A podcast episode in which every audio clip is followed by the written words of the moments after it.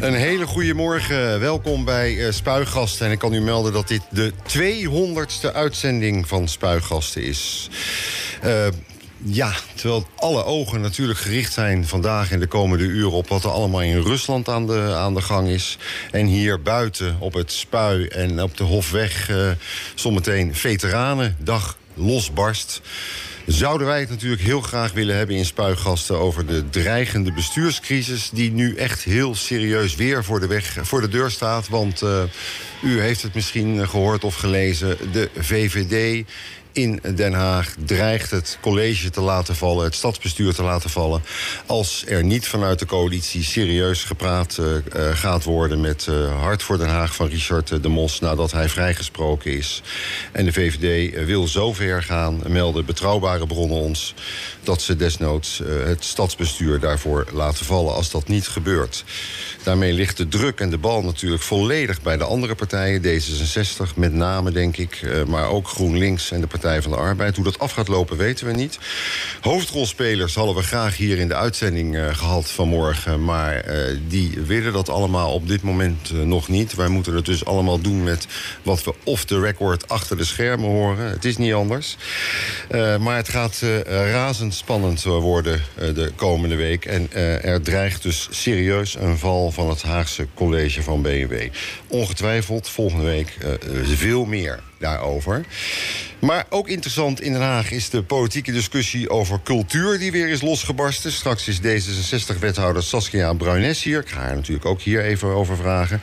En dan gaat het met name over de vraag: hoe komt het toch dat Den Haag qua geld, uh, als het gaat dan qua geld om, voor cultuur, zo achterblijft bij andere steden?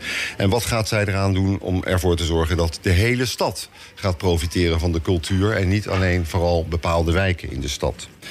Maar we beginnen met het nieuws wat deze week uit Zuid-Holland kwam. Uh, de provincie uh, Zuid-Holland, ook daar is een akkoord bereikt met Boer-Burgerbeweging, de grote nieuwkomer in uh, alle provincies, ook in Zuid-Holland. Zij gaan samen een, ik wou zeggen kabinet, maar dat is natuurlijk niet waar. Zij gaan samen een, een, college, nog niet, een college van gedeputeerde staten vormen met VVD, CDA, Partij van de Arbeid en GroenLinks. En we hebben hier aan tafel Hans Seentjer van Boer-Burgerbeweging, de leider daarvan. Goedemorgen. Morgen. En Sinan uh, Oskaya van uh, uh, GroenLinks. Goedemorgen. Ook goedemorgen. We gaan het zo meteen uitgebreid over dat akkoord hebben. Maar ik wilde eerst even met u beginnen, meneer Oskaya. Ehm, door dat dreigement van de VVD, wat een serieus dreigement is... dreigt het college met GroenLinks erin hier in Den Haag te vallen tenzij GroenLinks alsnog bereid is met Richard de Mos te willen praten. Hoe kijkt u daarnaar? Nou, ik wilde eigenlijk even beginnen met een felicitatie. Want de 200ste uh, spuigas is niet niks Oh, natuurlijk. dit is de bekende truc in de politiek. Ja, is dat zo? Ja, even, even stroop smeren. Hartstikke fijn. Van harte is, uh, ik zie zo meteen de taart wel tegemoet komen van GroenLinks. Op naar nog 200. Maar nu uh, naar de vraag. Uitzendingen, ja. Nee, goed, ik, ik, vind dit echt, ik vind het echt wel een, een, een onderwerp voor de lokale politiek... Uh, voor de lokale fracties, die, om die afweging te maken denk dat het ook niet goed zou zijn als hier nu allemaal andere partijen vanuit de provinciale politiek of de landelijke. Maar u bent geen andere partij, hè? Uh, zich ermee gaan bemoeien. Ik snap heel goed dat GroenLinks zegt: jongens, we hebben volgens mij een hele grote opgave, ook in deze stad. En we hebben moeizaam met tijd gehad in het sluiten van het akkoord. En laten we nou kijken hoe we die problemen tegemoet gaan. En juist ook de komende twee jaar benutten om oplossingen te bedenken voor onze inwoners, zoals we dat hebben afgesproken. Die lijn kan ik heel goed snappen. Ja. Heel goed snappen. Maar hoor ik dan u ook zeggen dat uh, GroenLinks aan die lijn moet vasthouden. We gaan dat niet openbreken voor Hart voor Den Haag? Ja, nogmaals, dat is echt een lijn die ze zelf...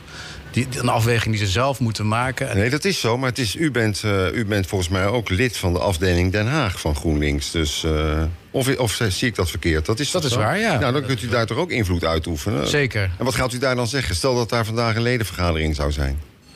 Over? Over wat de fractie moet doen. Nou, ik, ik het, vind... co het college laten vallen, want dat is wat er gebeurt als jullie uh, niet bewegen. Of meebewegen. Nou, ik denk, nou ja, misschien, we gaan het er straks ook nog over hebben hoe wij natuurlijk die verschillen uh, hebben overbrugd. Maar je moet echt kijken, uh, ook binnen, uh, binnen het college, maar ook samen met Richard, van welke verschillen zijn er en, en, zijn die te overbruggen. Ik begreep ook nog dat er een. Oh, dat vindt u dus wel, dat dat moet, dat, dat moet gebeuren? Nou, volgens mij zit, zit men nu in dat proces natuurlijk. Hè. Dat, ja. wordt ja, maar de vraag is: gaat GroenLinks daar ook op, aan meedoen of, of, vanuit de coalitie of niet? Maar goed, ik begrijp dat u daar een beetje uh, afstand wil bewaren. U zegt het eigenlijk al.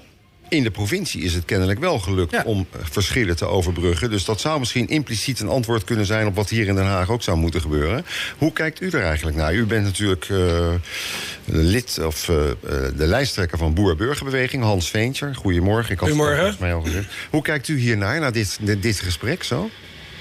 Uh, ik, ben, ik, ik hou me niet bezig met, die, uh, met de Haagse politiek. Maar wat ik eigenlijk hier mis, is uh, dat het OM weer achter Richard de Mos aangaat. Je, je, zou bijna denken dat het een hele gekleurde instelling is van het OM. Hm. De rechter is duidelijk geweest over de uitspraken richting, uh, richting de OM. Van jongens, er is geen bewijs uh, over, over Richard de Mos. En toch gaat het OM weer achter Richard Mos aan... waarvan ik denk, ja, zit hier niet een bepaalde gekleurdheid achter? Daar maak ik me meer zorgen over dan de vraag of GroenLinks ja. met Richard de Mos wil. Nee, oké. Okay. Ja. Oké, goed. We gaan naar Zuid-Holland. Dat lijkt me beter. Uh, jullie hebben elkaar, denk ik, de afgelopen weken vaker gezien dan jullie partner. Mm. Nou, ja. ja, jullie kijken elkaar ja, nee, ja, heel erg liefkozend aan bijna. Het, wa het, waren de maandagen, de woensdagen, de vrijdagen en de, en de zaterdag toch, uh, Sinan ongeveer. Ja. ja. ja. En dan is je ochtends tegen je vrouw moet zeggen, joh, tot morgen. Ja? ja. Want uh, die onderhandelingen gingen dan de nacht in? Of nee, natuurlijk niet. Maar dan ben je om uh, half elf, elf uur ben je thuis. En soms ben je het weekend ben je even weg. Zitten we ergens in, in, in de buurt van Driebergen zaten we. Maar ja, ik moet ook nog werken. Dan moet ik s ochtends naar mijn werk. Dan heb ik s'avonds laat weer een fractievergadering. Ja, dan, mijn vrouw ligt om half tien uh, lekker in bed. En ik kom om elf uur uh, weer ja, thuis. Eigenlijk. 11 uur voor iemand die onderhandelt over een nieuw provinciebestuur... nog een christelijke tijd. Uh, Toch op zich. Nou, maar hoe, heeft, hoe hebben jullie nou, het allebei... Een simpele antwoord. Ik, ik heb geen partner, dus dat is, uh, dat nee, is, dat is wat makkelijker. Nee, dan, dus, dan dus hij, hij zat natuurlijk in de onderhandelingen eindeloos lang door te vergaderen. Ja, ja, U wilde naar huis stel, dan, ja, Ik wil nog één ding zeggen en daarna kan er nog eentje en nog eentje waar, en nog eentje. Dus, ja, maar ik proef hier tussen u beiden dat er een soort chemie is ontstaan. klopt dat ook? Nou, je, er ontstaat vanzelf een chemie natuurlijk. Op een gegeven moment zie je elkaar inderdaad zo vaak... en investeer je ook gewoon in die relatie. En dat is ook nodig. Want die onderhandelingen gaan uiteraard op de inhoud. Maar vertrouwen is wel echt een heel erg belangrijk uh, iets binnen dat gesprek. Als, je, als er geen vertrouwen is, en dat vertrouwen heb je niet vanaf dag één... daar moet je aan werken. Dan moet je samen ook uh, open gesprekken uh, durven te voeren... je kwetsbaarheden tonen. En op een gegeven moment bouw je dus ook dat vertrouwen gezamenlijk op. En dat, dat doe je ook door bijvoorbeeld met elkaar de kroeg in te gaan? Nou, eigenlijk wel, ja. Ja, we hebben wel in de kroeg gezeten samen. Lekker biertje drinken. Sommigen gin tonic. Maar, maar eigenlijk, waar het is, eigenlijk mee begonnen is... we hebben natuurlijk voorafgaand uh, aan de verkiezingen... heel veel commissies bezocht. We hebben de PS-vergaderingen bezocht. Uh, ik ben langs gegaan langs alle lijsttrekkers. Ik heb met Sinan van tevoren gesproken. Dus je bouwt daar al vertrouwen op. En ik moet ook zeggen dat uh, we ook goed ontvangen zijn... door alle verschillende lijsttrekkers. Ook door Sinan, ook door de PvdA. Of, en GroenLinks ja. natuurlijk. En en ook na de verkiezingen was het helemaal niet zo van... hey, oh, de BBB, daar moeten we niks mee. Dat het ruimt ook nog, maar... uh, maar het is wel zo... Uh, Goeie slogan misschien voor Nee, maar... Dus, uh, en, en ik denk dat wij ook niet zeg maar, met een gestrekt been in zijn gegaan. Wij, wij zijn toch een partij van de nuance. En, en we willen in gesprek. En we okay. willen veranderingen. Dus dan moet je in gesprek gaan in plaats van lopen schreeuwen. Daar breek je niks mee. Dan, dat is ook onze ja, uh, eerste startpunt geweest. Nu is uh, Boer-Burgerbeweging bijna in alle provincies nog steeds uh, aan het onderhandelen. Of voor, voor zover daar nog onderhandeld wordt. Want het is ook in een aantal provincies al klaar. En het is eigenlijk bijna overal gelukt om in, het, in het college van gedeputeerde staten te komen als Boer-Burgerbeweging. In Friesland is het misgegaan door de Partij van de Arbeid. Dat laatste, op het laatste eruit stapt. In Brabant is het ook problematisch. Maar voor de rest gaat het overal eigenlijk wel de kant op dat jullie. Ja, Utrecht vergeet je nog. Utrecht, is, is dat niet gelukt? Ook niet gelukt. Nee. Oké, okay, dus er zijn drie provincies waar het niet gelukt is, maar uh, dan uh, toch altijd negen waar het uh, wel gelukt is of gaat lukken. Zuid-Holland is de enige provincie waar boer-burgerbeweging met GroenLinks ook uh, samen gaat De werken. eerste waar een, co een coalitieakkoord Ja, is. het kan nog- Noord-Holland is ook bezig met... Het kan, het kan nog Ja. bij andere provincies komen, Ja. maar jullie zijn de eerste waar dat dus gelukt is. En ik vraag me eigenlijk af, hoe kan het dat die twee, als ik het mag zeggen, uiterste in het politieke spectrum, als het gaat om de belangrijke kwesties zoals stikstof, klimaat, dat die toch bij elkaar zijn gekomen? Ja, ik, ik denk dus dat daar eh, dat het belangrijk was dat alle partijen hebben gezegd dat we er ook echt voor gingen. Dus vanaf dag één hebben we gezegd: jongens, dit is, een, dit is niet een optie die we gaan onderzoeken voor de bühne. Om te kijken of het kan, om dan vervolgens te kunnen zeggen: joh, het is niet gelukt, we gaan toch linksaf of rechtsaf. We hebben gezegd: nee, dit is echt een, een serieuze optie die we serieus willen verkennen. En ook goed moeten uitzoeken of, die, of er echt onoverbrugbare verschillen zijn. Uh, nou, dat is eigenlijk de eerste stap wat we hebben gezet. Ik wil ook, ik denk dat ook uh, Arie Slop een hele belangrijke rol heeft. Dat was de, dat was de informateur, of de, de, de, formateur, de, de, formateur, de de onderhandelaar. De, die, die leidde de onderhandelingen. De oud-minister van de ChristenUnie, oud-partijleider ook van die partij. Ja. Ja, en, en, en vanuit zijn ervarenheid en zijn deskundigheid, maar ook de zorgvuldigheid hoe hij het proces heeft benaderd. En ook uh, ervoor heeft gezorgd dat we echt wel voldoende tijd hadden om dat vertrouwen op te bouwen. Is er denk ik wel, uh, nou ja. Uh, een akkoord tot stand gekomen. Dat is denk ik even heel kort gezegd Ja. uh, de basis geweest. Dus en is het wel- altijd in pais en vree gegaan? Of heeft het af en toe ook wel geknetterd? En eh, is het af en toe ook wel een moment geweest dat je dacht... ja, nu wordt het heel spannend? Nee. Nee, kijk, eh, ehm, we hebben eh, al aan het begin... ehm, zijn alle partijen eh, zijn meegegaan in het stikstofverhaal. Hè? Dus dat was die 2030 en die 2035. Ja, dat, dat, ja, Ja, en ehm, iedereen, en, en dat heeft zeker te maken met, met, het, met het, de basis van vertrouwen die we hebben gehad. Van oké, waar kunnen we in meegaan, waar, kunnen we, waar vinden we het moeilijk. Maar ik heb niet het gevoel dat het echt geknetterd heeft. Eh, Vanuit de BBB gezien. Misschien is dat bij GroenLinks anders geweest. Maar eh wij hadden al heel snel onze, onze, onze punten binnen. Dat ging met een, een redelijk gemak eigenlijk.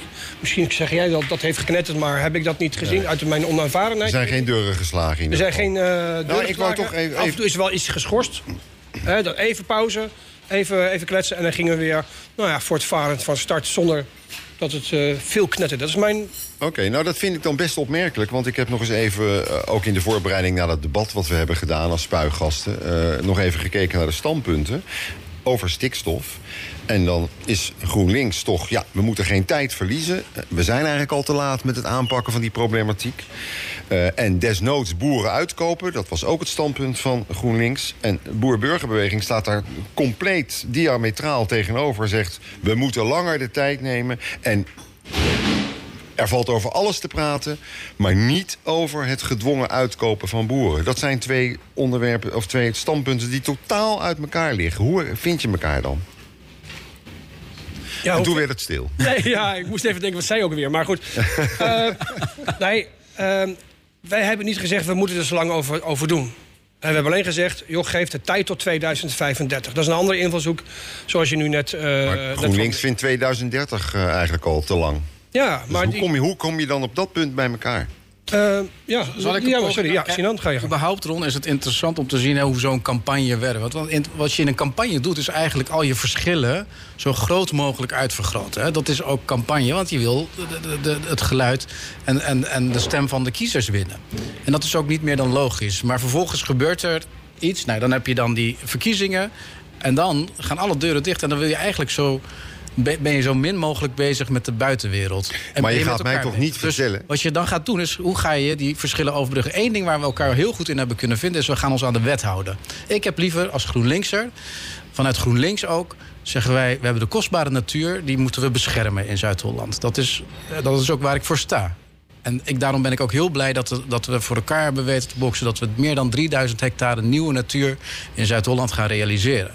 Maar ten aanzien van die eh, stikstofdiscussie hebben we gezegd... laten we nou niet die landelijke problemen of de landelijke discussies naar onszelf toetrekken. Dus waar we elkaar hebben gevonden is we houden ons aan de wet. Ja. Natuurlijk heb ik liever vanuit GroenLinks dat het 2030 wordt. Maar dat is een keuze die, de die het kabinet moet maken. Als zij durven geen perspectief te bieden voor de boeren... dus wij hebben gezegd laten wij dat nou binnen onze eigen mogelijkheden wel doen. Ja, maar En goed, het kabinet, maar het kabinet, even om daar even Ja. bij, bij aan te haken. Het kabinet maakt die keuze nog steeds voor 2030. Hè. Er is nog steeds niet een andere onderhandeling geopend over eventueel uitstel daarvan. Het kan dus zijn dat er als provinciebestuur, waar ook boer-burgerbeweging in zit, straks geconfronteerd wordt met een kabinet dat zegt ja, het moet toch 2030 worden. Ik denk niet dat het gaat gebeuren, maar stel dat dat zo is. Nou, Maar dat jij- hebben we wel besproken, maar het omgekeerde kan ook gebeuren. Dat is ook wat we hebben. Maar ik, eh, ja, ja, Ja, u nee. wil- neemt het nou voor hem Oh, op, sorry. maar ik wil toch Ja, heel nee, even- kijk, kijk, dit is nou samenwerking. ja. Maar nu het antwoord. Oh, oh, nu het antwoord. Nou ja, ik, kijk, ehm, dat, dat- ja, dat is eigenlijk een soort van eh, scenario denken... waarvan wij zeggen, nou, laten we ons eerst focussen op eh, wat we nu in onze coalitieakkoord hebben afgesproken. Eh, er is een wet. Eh, ik denk ook niet dat die wet. Ik bedoel, het, is een, het gezwabber van het huidige kabinetsbeleid ja, verspeelt niet veel, veel goeds. Ehm maar ik ook denk dat ze het ook niet doorheen krijgen. LTO landbouwakkoord, of landbouwakkoord is geklapt. Ehm, ik denk ook niet gaat gebeuren. BB zit er vol in. En het mooiste is, ehm, eh, GroenLinks eh, heeft vaak ook gezegd dat ze een boerenpartij eh, zijn.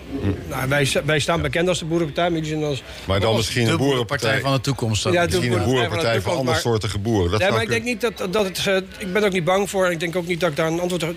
Als zij zeggen, nou, het wordt wetgeving 2030, dan weet je, want je moet ook tijd geven. En we, blij, we zijn ook blij dat het ook tijd wordt gegund. Maar we hebben ook laten zien, we willen ook heel graag. Eh, die stikstof reduceren, hè, is conform eh, eh, wetgeving. Maar we zetten dan in op, in op innovaties. Ja, ik En dat wou kan net vragen. En dat kan snel genoeg. Ja, maar dat wou ik Dat is onze vragen. overtuiging. Dat wou ik vragen. Laten we wegblijven dan bij, weggaan bij de landelijke discussie over 2030, 2035. Hoe gaat Zuid-Holland dan volgens het akkoord de stikstofproblemen in de provincie aanpakken? Nou, we hebben dus. eh, de, inzet vanuit BBB was ook heel erg van, vanuit innovatie bedacht. Hè? Eh, Ja, en geen gedwongen uitkoop van boeren. Maar we hebben wel gezegd, tegelijkertijd gaan we ook andere dingen inzetten. Dat betekent dat we dus ook gaan eh, inzetten op in extensiveren. Dus minder eh, vee op het aantal, hetzelfde aantal hectare of meer hectare eh, met hetzelfde aantal vee. Dat is een hele belangrijke. We hebben gezegd dat we ook boeren gaan helpen in het toekomstbestendig maken van hun, eh, van, van hun verdienmodellen, van hun boerenlandschap. Eh, dat ze ook natuurinclusiever kunnen gaan boeren. Dat zijn allemaal dingen waarmee we boeren willen gaan helpen om ook toekomstbestendiger te kunnen worden. Maar wat u nou zegt, is dat niet in normaal Nederlands toch ook vermindering van de veestapel? Nou, we hebben, we hebben gezegd dat dat noodzakelijk is om, Ja. eh, om de stikstof te reduceren. Dat is, Ja. En dat is ook iets waar En dat wij- vond u aanvaardbaar? Nee, nou, kijk, eh, nu, nou, nu lijkt Het is niet mijn bedoeling om het akkoord nu weer open te breken, nee, hoor. Maar ik wil het toch wel even weten. We hebben het akkoord zo vaak gelezen dat we bijna kunnen dromen. Dat is niet helemaal waar, maar... eh, kijk, het is een van de opties dat je als, als boer kan kiezen om met minder vee verder te gaan. En wat Sinan ook terecht zegt, en waarvoor wij ook heel blij zijn dat het ook duidelijk in het coalitieakkoord staat, is dat er toekomstbestendige landbouw wordt gecreëerd. Waar een goed verdienmodel achter zit. Als we nu kijken weer terug naar het landbouwakkoord. Daar worden geen garanties gegeven voor een, een duurzaam en toekomstig economisch rendabel landbouw. En, en dit is wat een, een van de onderdelen zou kunnen zijn. Hè, is het stim- niet het verplichten, maar het stimuleren van nou, met minder koeien. Dat kan ook zijn ehm, eh, andere voedselproductie voor eh, de koeien. Ehm, dat kan ook zijn dat een boer meer natuurinclusief eh gaat doen. Hè, waardoor hij zeg maar, meer eh, ook landschapbeheer doet. Waardoor toch een toekomstige eh verdienmodel staat. Er gebeurt al heel veel. Maar vaak wordt ook de dingen niet, eh, niet betaald. Oké. Maar, maar ook daar lag zeg maar, eh, aan de grondslag dat we erkennen dat die stikstof eh, gereduceerd moet worden. Want als we willen bouwen, als we de woningnood willen oplossen, ook in Zuid-Holland, moeten we iets doen met de stikstof. Ja, en daar vonden jullie een gewillig partner in eh, bij Boer-Burgerbeweging... die dat ook altijd heeft gezegd. Hè? Dus, en, en, je ook aan de wet eh, houden. Dus die wet schrijft dat ook voor, dus dat gaan jullie ook doen. En jullie gaan er ook een bepaalde invulling aan geven in Zuid-Holland. Oké, dat is duidelijk. Woningbouw, het is net al even genoemd. Eh, dat is natuurlijk ook een heel belangrijk punt. Wat, wat, wat, gaat er, wat staat er in het akkoord bijvoorbeeld... voor de ontwikkeling van woningbouw in de stad, een stad als Den Haag?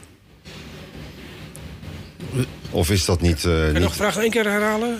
je bent een beetje aan het dromen. Nee, nee, nee, nee. nee. Oh. Uh, nou ja, woningbouw. Uh, er moet natuurlijk heel veel gebouwd worden. Ja. En ik las bijvoorbeeld vanmorgen al in de krant, dat, in het AD... dat, dat er nu een, een, punt is over woningbouw bij Blijswijk... in dat is meer de Rotterdamse regio. Dat, dat de provincie zegt, ja, jullie mogen daar bouwen... maar jullie moeten wel ook die windmolens die daar zouden komen...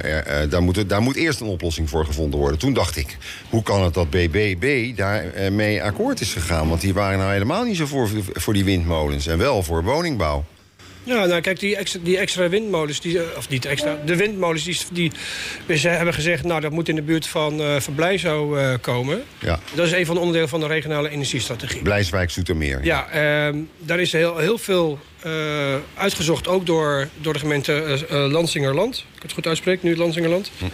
Ja, en dat duurt het zo lang. En als zij willen bouwen in Blijzo West, ja, dan moeten er ook, ook die windmolens komen, want ze hebben dat ook beloofd.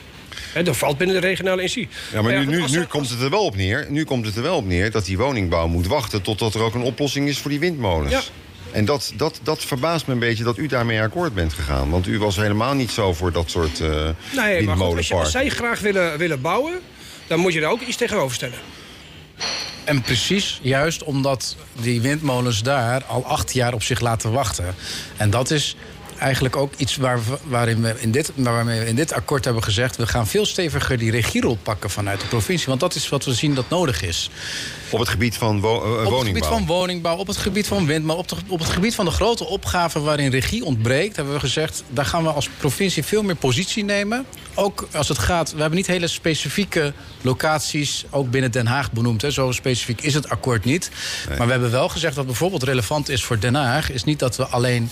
Uh, 235.000 woningen gaan bouwen, maar ook het type woning. We hebben gezegd 40% sociale huur. Nou, in Den Haag zien we bijvoorbeeld dat uh, het sociale woningbouw uh, in de regio in ieder geval achterblijft. Hè, dat de, de buurgemeenten ja. in Den Haag vooral wat minder, ja, wat minder geneigd zijn om sociale woningbouw te realiseren. En daar gaan jullie als provincie bovenop En daar gaan zitten. wij als provincie veel meer bovenop zitten. En ook om die...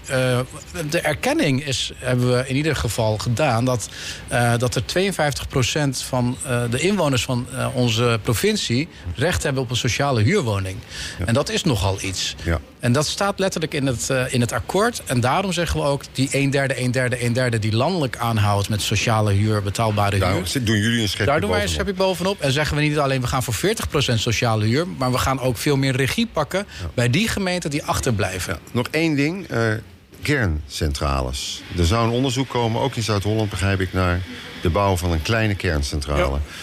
Is dat voor GroenLinks slikker geweest?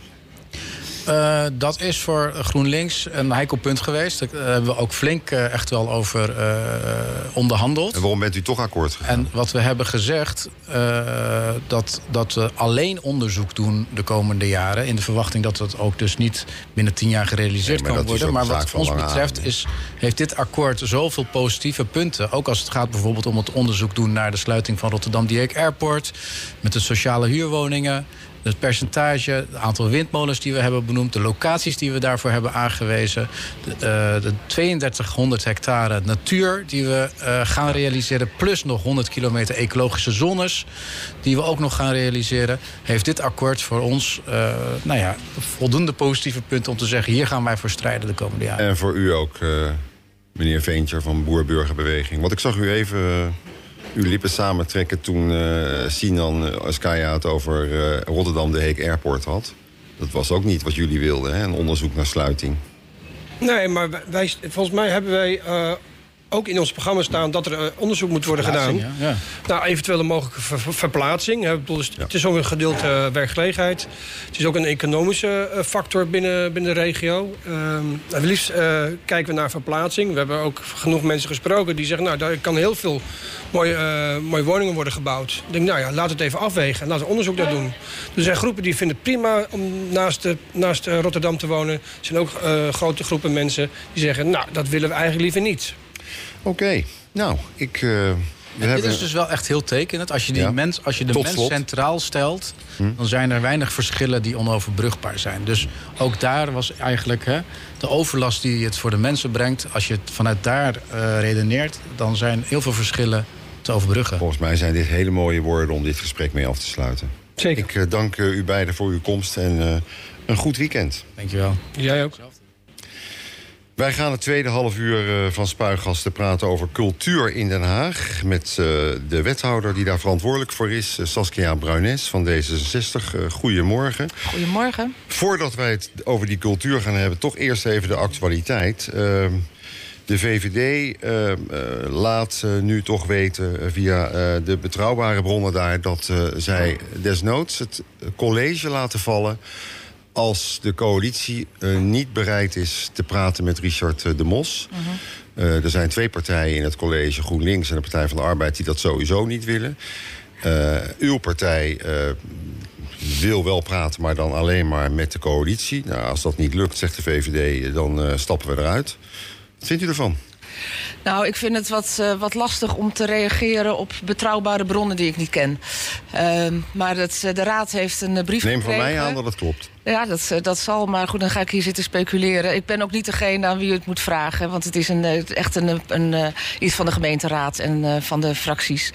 Fractievoorzitter zou hier dan over, hier moet, wat over moeten zeggen. Maar, er is een brief gekomen van Bruno Bruins met een aantal aanbevelingen. Daar gaat de Raad donderdag over spreken.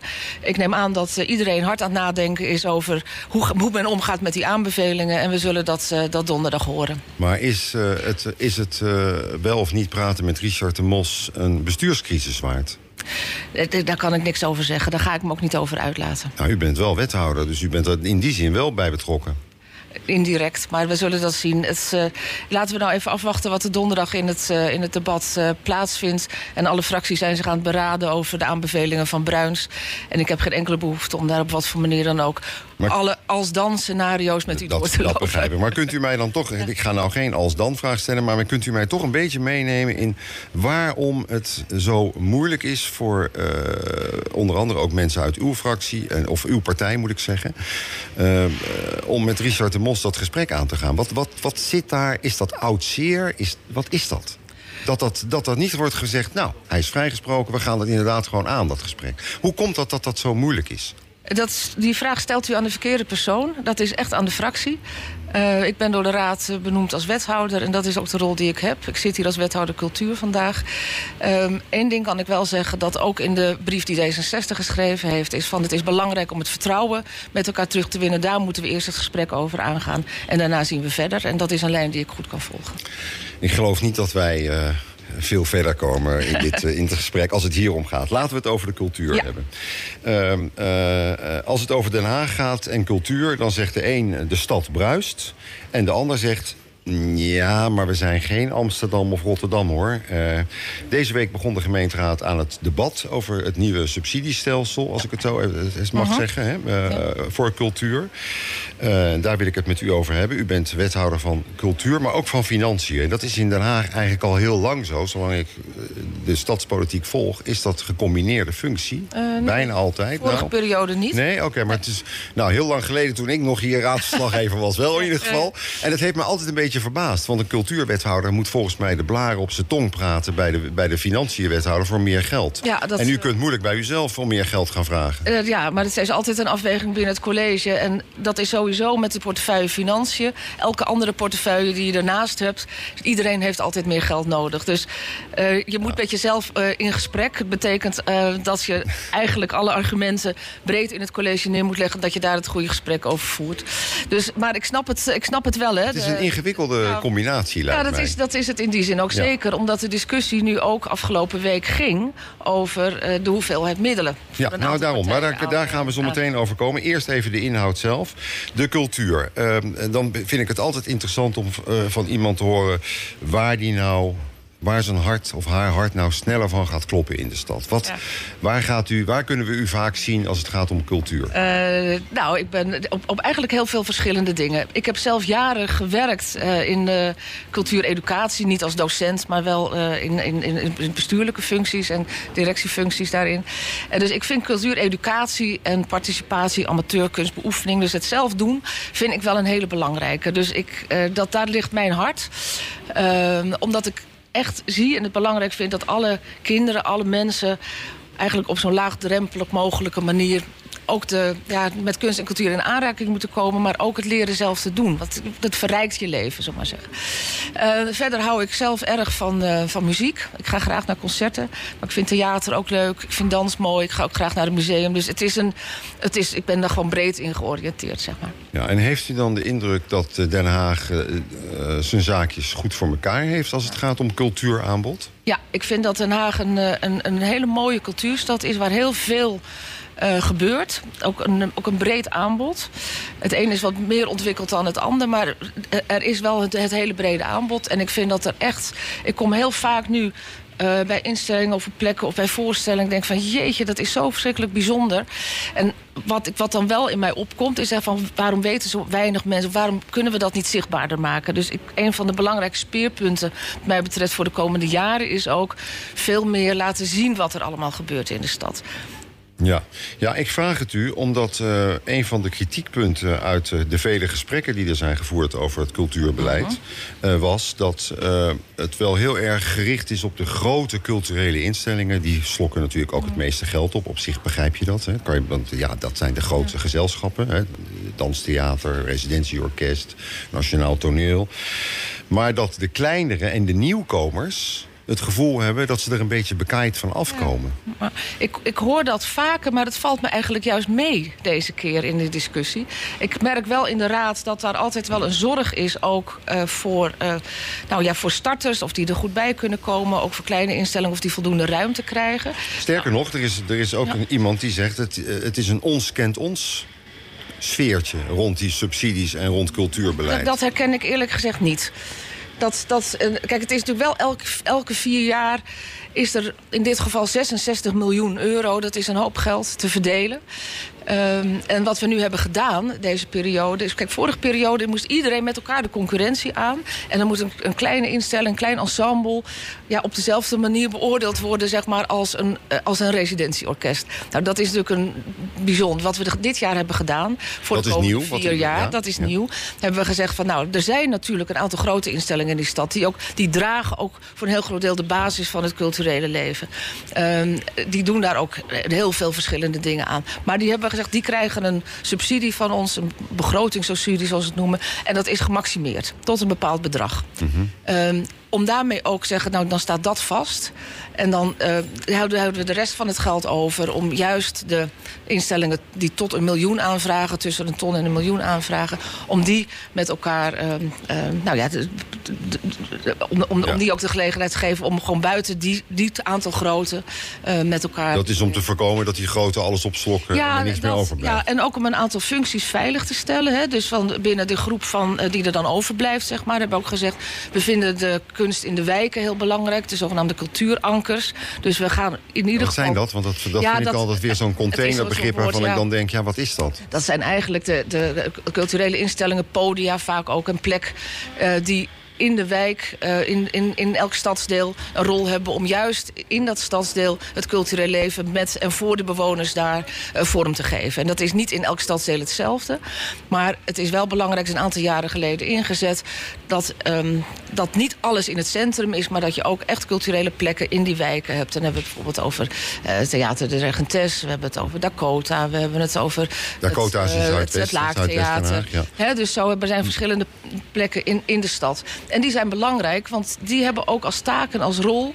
om um, nou ja, ook de mensen uit die wijk te betrekken bij de kunst en cultuur. Ja, nou daar komt u op een punt waar ik het ook met u over wilde hebben... Um, als je naar de culturele instellingen in Den Haag gaat... dan heb ik toch vaak het idee dat het een bepaald deel van de bevolking is... wat daar heel veel komt. Ja. Om het maar eens even uh, gewoon in normaal Nederlands te zeggen... de mensen uit de betere wijken...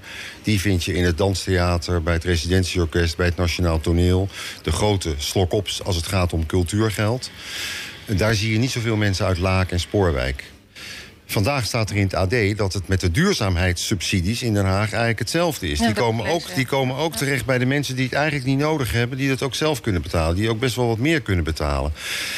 Op de cultuur is dat eigenlijk hetzelfde. U heeft als standpunt ook dat u vindt dat we daarnaar moeten streven dat de hele stad van cultuur kan gaan genieten. Zeker. Maar dat is dus niet zo. Nee, en we moeten daar dus alles aan doen. Dat is ook een van de vragen die we ook stellen aan de grote instellingen. Niet nu voor het eerste, altijd. Om je ook echt te verhouden tot de hele stad. En je ziet dat daar ook uh, stappen in gezet worden. Je kan mensen natuurlijk niet aan hun haren theater in trekken. Maar je wil, kan wel nadenken over op wat voor manier bereiken we misschien meer mensen. Uh, je kan ook eh, vragen om echt na te denken over hoe komt het dat er misschien in de dingen die wij doen vooral heel veel uh, ja, middelbaar wit publiek zit. Ja. Uh, heeft dat met programmering te maken? Heeft dat met de manier waarop we het uh, promoten te maken? Nou, dus ik vind het heel belangrijk dat iedereen daarover nadenkt. Ik wil niet zeggen dat iedereen altijd overal naartoe moet. Hè? Het verschilt ook gewoon. Wat, niet iedereen houdt van theater. Niet iedereen houdt van klassieke muziek. Dat hoeft ook helemaal niet. Maar het is wel belangrijk dat, dat, dat, um, nou ja, dat, dat mensen niet een drempel ervaren. Dus dat vraagt heel veel. En, ik, en dat vragen we zeker ook aan de grotere instellingen... de grote professionele instellingen, om zich daartoe te verhouden. En ik vind dat daar ook hele mooie voorbeelden zijn... Hoor, hoe daar echt ook wel uh, stappen gezet zijn. Ja, noem eens wat dan. Want hoe gaan, hoe gaan die grote instellingen... die grote culturele instellingen dan bijvoorbeeld de wijken in, zoals u zegt? Nou, ik heb bijvoorbeeld gisteren hadden we de dag uh, Den Haag Inspireert. Daar was een optreden van een, een, een, een deel van het residentieorkest... die samen met het hiphopcentrum...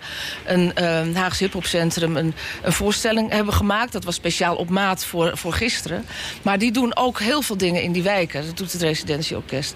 Je ziet aan het Nationaal Toneel, die doen ook heel veel voorstellingen... die ook echt een veel breder publiek uh, trekken. Komende weken ook uh, met voorstellingen rondom de slavernij. Uh, dat is natuurlijk een belangrijk thema, maar je ziet het op allerlei verschillende manieren. En het kan nog meer, het kan nog beter. En iedereen moet daarmee bezig zijn. Maar daar zijn echt wel bewegingen. Als je het vergelijkt met een jaar of twintig geleden... is daar echt al best heel veel gebeurd. Ja, ja u bent nu een jaar jaar wethouder van cultuur ja. ongeveer. Waar wilt u staan uh, als de periode afgelopen is? En we weten natuurlijk niet wanneer dat is, na de ontwikkelingen van die. Maar laten we maar even vanuit gaan dat, dat u misschien blijft zitten. waar wilt u zijn?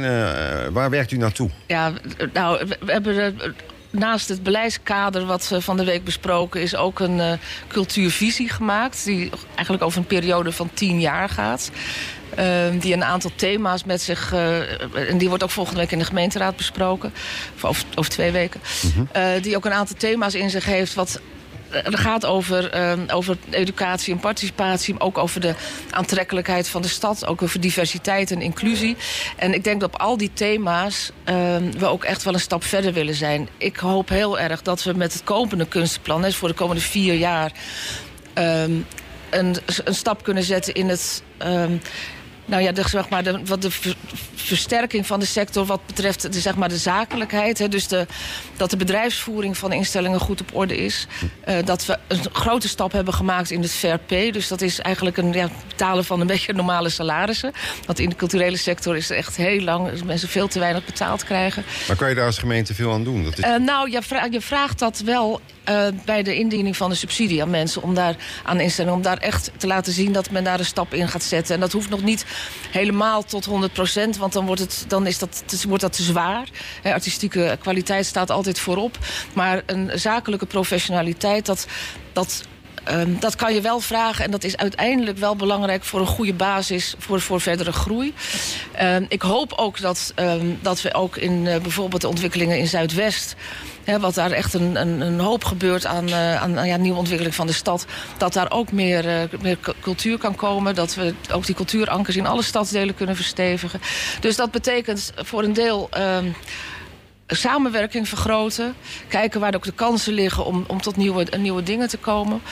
Um, en ik hoop ook in de loop van de jaren toch wat meer budgetten bij. We indiceren dat wel, uh, wel stevig. zijn de afgelopen, we hebben nu al bijna 10 miljoen meer dan de vorige periode. Maar goed, de kosten zijn ook hoger geworden. Ja, en dat is inderdaad het G-woord wat u daar noemt. Ja. Het geldwoord. Ja. Uh, daar wilde ik eigenlijk het gesprek mee afsluiten. Maar, maar we waren altijd het moeilijkste voor het laatst, hè, zullen we maar zeggen. uh, want ja, u zegt fair pay. Uh, maar daar hebben die culturele instellingen dan wel geld voor nodig... als ze iedereen een eerlijk salaris willen geven. En de insprekers die van de week bij de raad waren... nou, die hadden allemaal één ding gelijk, unisono, zal ik maar zeggen. Ik geloof dat het... Ja, is dat Nederlands? Ja, ik geloof het wel.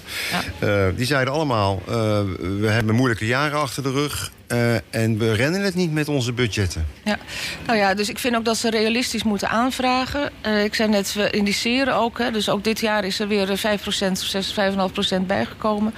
Met al het geld wat wij van het Rijk krijgen voor, uh, voor indicering voor loon- en prijsstijgingen... gaan ook door naar die subsidies. Wordt één op één doorvertaald. we hebben anderhalf miljoen extra in het coalitieakkoord structureel erbij.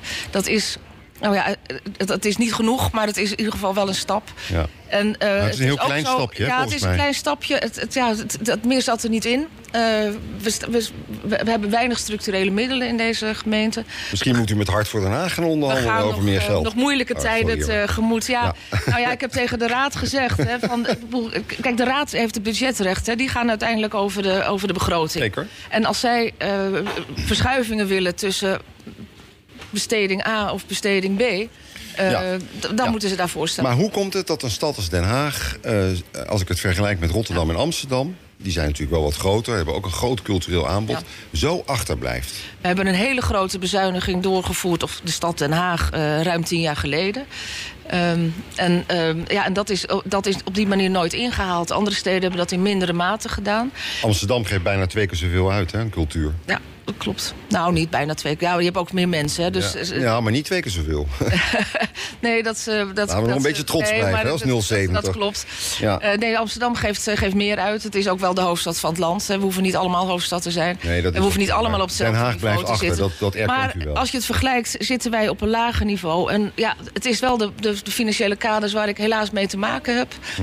En uh, we hopen dat het uh, misschien de komende jaren nog een stapje gezet kan worden. Maar ik zie het in die zin somber in, omdat we ook uh, de komende jaren minder geld van het Rijk gaan krijgen. En nu is het uitgerekend uw eigen partij, D66, die ja. van de week in de gemeenteraad zegt... er moet 19 miljoen bij. Ja. En laten we nou de tijd nemen om dat geld te vinden. Uh, de dekking werd er niet bijgegeven. Normaal is dat gebruikelijk. Als je zegt, ja. ik wil meer geld voor dat, dan moet je aangeven... oké, okay, waar moet het dan uit betaald worden? Dat, dat deed uw partij dan niet. Het was een beetje een... Uh, ja, voor de vaart, voor de, voor de, voor de, nou, ik weet niet hoe je dat zegt, maar in ieder geval, het was nog niet helemaal onderbouwd. Maar wel de wens, 19 miljoen erbij. Ja. Uw eigen partij. Wat, wat, wat, wat ik ben uh, wel wethouder van, van, de, van de hele gemeenteraad. Nee, dat weet ik en wel, er zijn ja, meer goed, die, dat, uh, die dat gezegd hebben. Ja. En, uh, en, en die wens is er. En ik heb ze ook uitgelegd van ik snap die wens. ik, ik wou dat ik het had. maar u kunt niet van mij vragen. Kijk, u, u kunt van mij verwachten dat ik me houd aan de financiële kaders... die vastgelegd zijn in de begroting die door de raad is vastgesteld. Nee, dat snap ik. Maar is dat, dus is het, dat, is dat een reële wens? Nou nee, de, de wens is reëel. Um, ik moet heel eerlijk zeggen, het, is, het voor elkaar krijgen is niet reëel. Als je kijkt Want op een begroting van ruim 3 miljard ja. zou je zeggen... ja, wat is nou 19 ja, miljoen, hè? Ja, maar als, dat, als die 3 miljard allemaal vrij besteedbaar geld zou zijn... Nee, dan, ja, dan, dan zou je gelijk ja, dan uh, zag de wereld heel veel, veel vrolijker uit. Maar nogmaals, kijk, er zijn keuzes gemaakt, hè, ook in dat akkoord... met die verschillende partijen. En dat is een evenwicht tussen de gelden die we voor de zorg... en de WMO en het onderwijs en de sport... en de, uh, nou ja, de openbare ruimte. En we hebben overal een achterstand in onderhoud... en in structurele middelen. En daar hebben we voor gekozen dat dat over die breedte uh, versterkt moet worden. En ook een beetje naar de cultuur.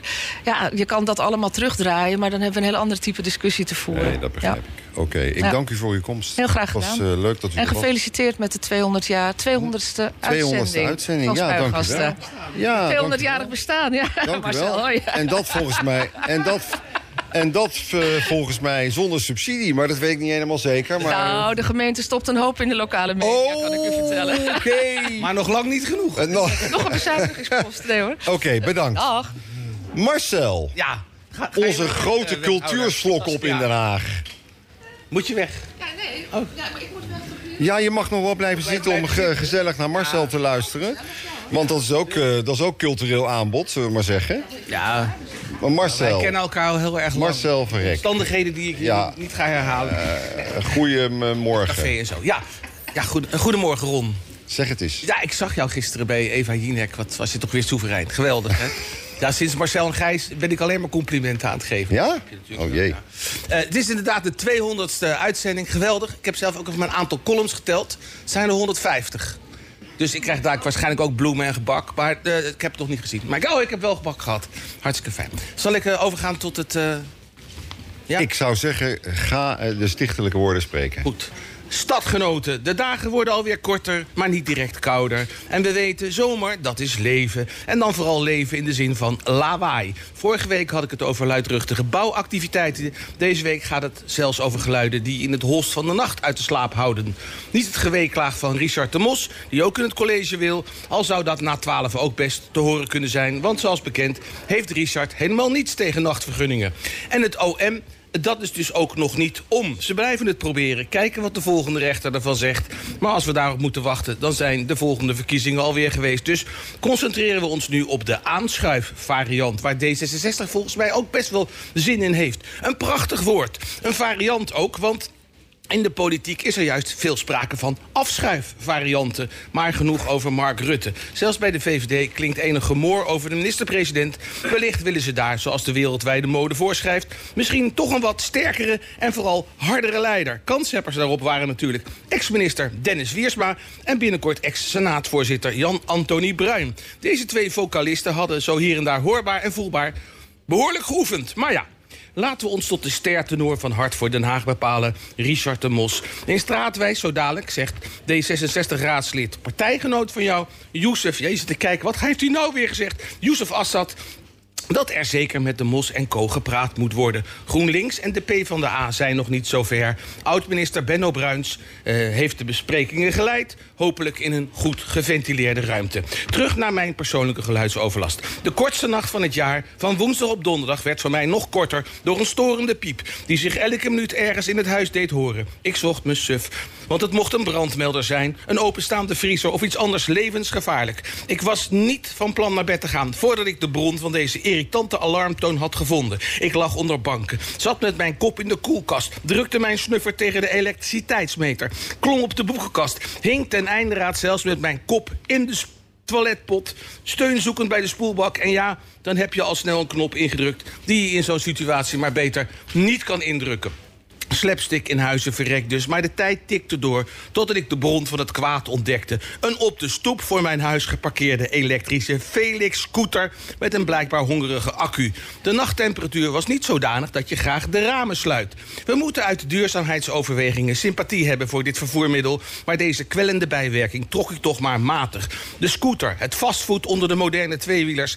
dikwijls bereden door bouwwerken die reeds op jeugdige leeftijd... zelf een scooterachtige omvang hebben. Omdat ze nooit fietsen dat komt dan geruisloos aangeslopen. Het enige wat geluid maakt zijn de klepperende vetlellen van de bereiders. En ja, midden in de nacht dus ook. Als het accuutje uitgeput dreigt te raken. Overal staan en liggen ze, die scooters. Net als de hippe elektrostepjes. De wegwerpmaatschappij vermomt in mooie lucratieve praatjes... met een vies groen korstje naar Scheveningen ermee, onder het motto alle zooi bij elkaar. Al kan je daar nu ook met de zogenaamde bikinilijn heen.